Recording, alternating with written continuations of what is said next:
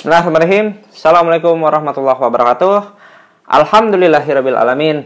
Eh, kita masih ketemu lagi sobat-sobat sekalian, sobat-sobat pendengar podcast Jodoh Dunia Akhirat. Kita masih ketemu lagi di podcast ini masih bersama saya, Canon Kamil. Dan kali ini kita uh, ngomongin sesuatu nih yang kira-kira sesuatu yang insya Allah kalau buat yang anda-anda yang belum nikah ini biasanya suka ditanyain. Per, apa sih? Nih, kadang-kadang suka pertanyaan kayak gini nih. Gimana cara kita menilai agama seseorang ketika sebelum menikah?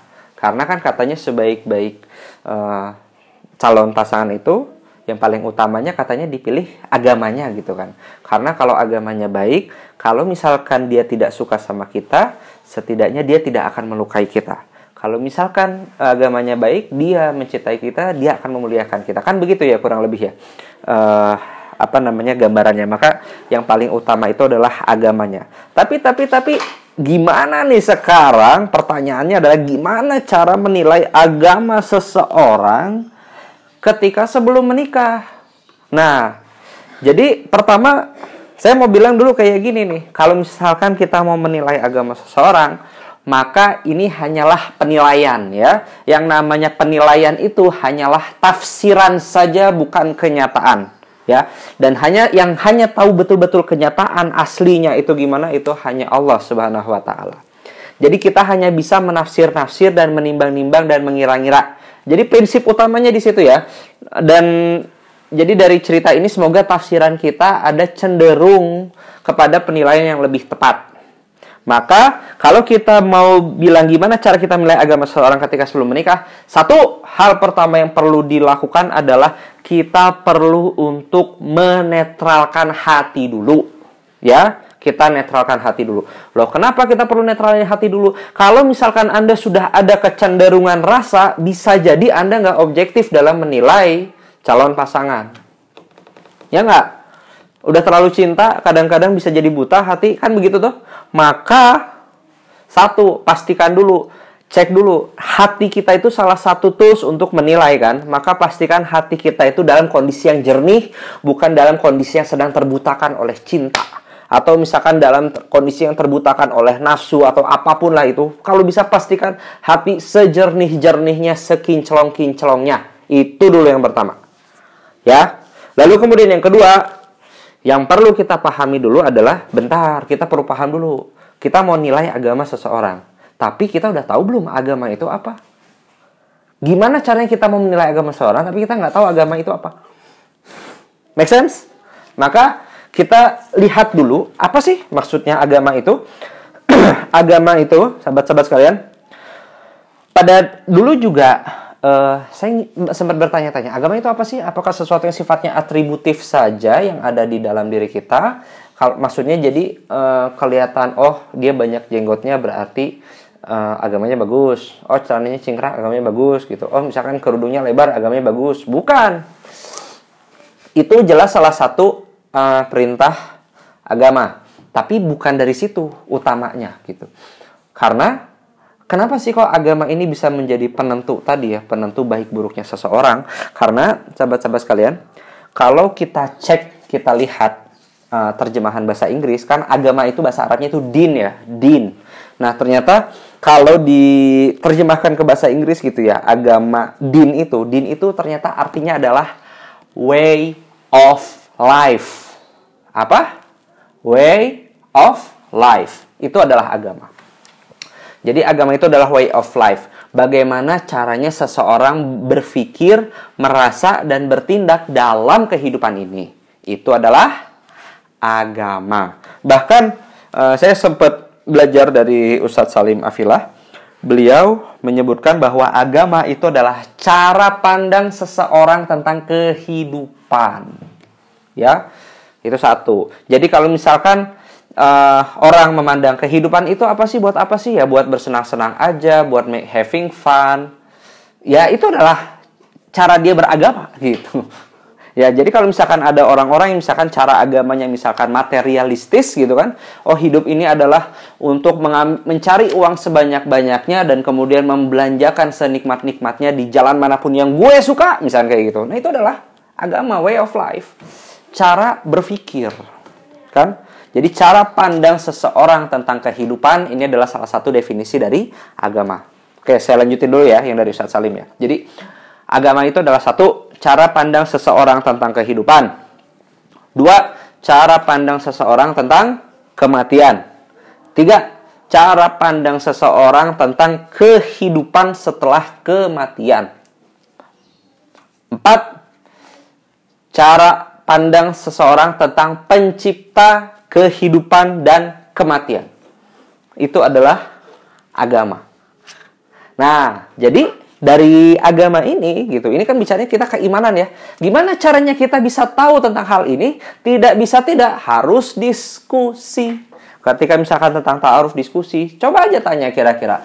Kira-kira menurut menurutmu apa pandanganmu tentang uh, menikah? Kenapa kita perlu menikah?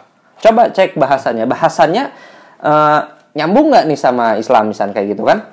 Nah, nyambung nggak sama yang Anda butuhkan gitu? Atau jangan-jangan masih belum ngerti, belum kebayang. Buat apa ya? Ah, ngapain dah hidupnya yang penting cuman apa namanya? Cuman yang penting nikah, ketemu kamu, menikah, and then we live happily ever after ya. Anda bisa cek gitu. Yang kayak gitu kira-kira tingkat pemahamannya kira-kira seperti apa. Dan dan setelah Anda memahami hal itu, itu adalah konsekuensi Anda setelahnya. Mau memilih menerima atau tidak menerima, it's up to you. Ya, jadi hal seperti itu bisa ditanya tuh misalkan, kenapa sih kok kita perlu nikah misalkan gitu. Kalau nanti punya anak, pengennya anak itu nanti punya apa gitu. Sesuai nggak kira-kira dengan pemahaman yang ada di dalam Al-Quran gitu. Nanti tinggal di cross checknya kayak gitu. Oh, ini pemahamannya sudah sampai ke kayak gini, gini, begini, begini. Kan itu bisa dicek dengan berdiskusi. Sekali lagi, cara pandang seseorang tentang kehidupan, termasuk menjalani hidup dan lain-lain macam-macam. Cara pandang orang tentang kematian, cara pandang orang tentang kehidupan setelah kematian. Dan keempat adalah cara pandang orang tentang pencipta kehidupan dan kematian itu seperti apa. Jadi, diskuslah, diskusilah terkait hal-hal seperti ini. Dan kira-kira Anda, kalau Anda mau dapat yang pemahamannya itu baik, pemahaman ya bukan hafalan, ini pemahaman. Pemahamannya itu baik, bagus, insya Allah itu agamanya baik. Maka itu salah satu cara untuk uh, apa namanya? Salah satu cara untuk melihat uh, apakah agamanya baik atau tidak. Itu yang pertama. Yang kedua, agama ini poin pertama sama kedua ini saling melengkapi ya, nggak bisa cuma satu yang ada gitu. Dua-duanya ini saling melengkapi. Yang kedua, jika pemahamannya baik, biasanya pasti akan terlahir menjadi sesuatu yang namanya akhlak. Akhlak itu adalah kebiasaan-kebiasaan yang karakteristik yang sudah uh, apa ya, inheren udah menjadi satu sama dirinya. Itu adalah uh, akhlak. Dan ketika misalkan kita berbicara tentang akhlak gitu ya, gimana sih cara kita ngecek akhlak? Cara ngecek akhlak itu biasanya akhlak itu bakal cenderung uh, terlihat ketika itu uh, dia terutama salah satunya adalah kalau bisa diceknya dalam keadaan kondisi tertekan. Maka ketika dia dalam kondisi tertekan selama ini responnya itu seperti apa? Nah, Hal ini gimana caranya kita bisa tahu apa kita harus bikin dia tertekan dulu? Enggak juga. Kita bisa diskusi, kita bisa tanya sama orang tuanya yang membesarkannya. Pah punten, eh papa, bapak punten itu anak bapak kalau lagi marah, lagi gini-gini, lagi gini-gini, apa yang bisa dilakukan ya? Nah itu bisa tanya kayak gitu. Bisa tanya ke sahabat-sahabat karibnya. Nah itu gimana ya? Oh kayak gini gini gini. Nah kan jadi hal-hal seperti demikian mulai A O A O ketangkep gitu kan. Karena akhlak biasanya juga terlihat dari uh, salah satunya adalah bagaimana dia memperlakukan orang lain, bagaimana cara dia bersikap ketika uh, dalam kehidupannya sehari-hari. Dalam kondisi tertekan, kira-kira seperti apa. Dalam kondisi keseharian, kira-kira dia orangnya seperti apa gitu. Suka merendahkan orang lain kah, misalkan. Suka ngebully-bully orang lain kah, misalkan. Atau gimana, nah ini. Ini bisa dicek gitu. Suka merendahkan orang lain atau suka uh, memuliakan orang lain atau misalkan apa kayak gimana kayak gimana nah itu baru bisa dicek kemudian yang ketiga yang bisa dicek juga adalah ya ini anda bisa nanya kepada pribadinya kira-kira uh, aktivitas-aktivitas rutinitas seperti apa yang biasanya dilakukan gitu ketika misalkan beribadah. Jadi hal hal-hal seperti itu ya. Pertama anda bisa cek pemahamannya terkait empat hal tadi. Yang kedua anda bisa cek tentang akhlaknya dan itu bisa anda tanyakan kepada orang-orang di sekitarnya. Ya orang-orang di sekitarnya yang kira-kira dekat karib dengan dirinya. Kemudian yang ketiga, yang ketiga adalah uh, boleh tanya kepada dirinya sendiri kira-kira secara rutinitas pribadi ibadah mahdonya itu kira-kira seperti apa. Semoga dari tiga hal ini Anda bisa mendapatkan gambaran tentang oh, melihat agama itu seperti apa. Dan yang paling penting, sahabat-sahabat sekalian, terutama buat jawaban pertanyaan yang nomor satu biar kita nggak terlalu bingung-bingung juga untuk menilai pastinya kita juga perlu juga untuk berkaca dan melihat kepada diri kita sendiri sejauh ini pemahaman saya tentang agama itu seperti apa ya? Apakah hanya sekedar atribusi saja? Apakah yang penting sekedar ibadah saja? Ataukah kita punya pandangan bahwa semua agama itu sama uh, yang penting berbuat baik? Nah kan itu juga kita bisa perlu lihat ke dalam diri kita sendiri. Dan pastikan ketika kita mengecek kita tahu kondisi kita seperti apa, kita juga tahu apa yang mau kita butuhkan seperti apa, sehingga ketika berdiskusi, ketika ta'aruf dalam tiga pertanyaan ini, ini bisa Anda pahami dengan baik dan Anda jadi bisa menilainya dengan kepala yang sedemikian jernih. Semoga bermanfaat, sahabat-sahabat pendengar podcast Jodoh Dunia Akhirat sekalian. Kita ketemu lagi di pertemuan selanjutnya. Wassalamualaikum warahmatullahi wabarakatuh.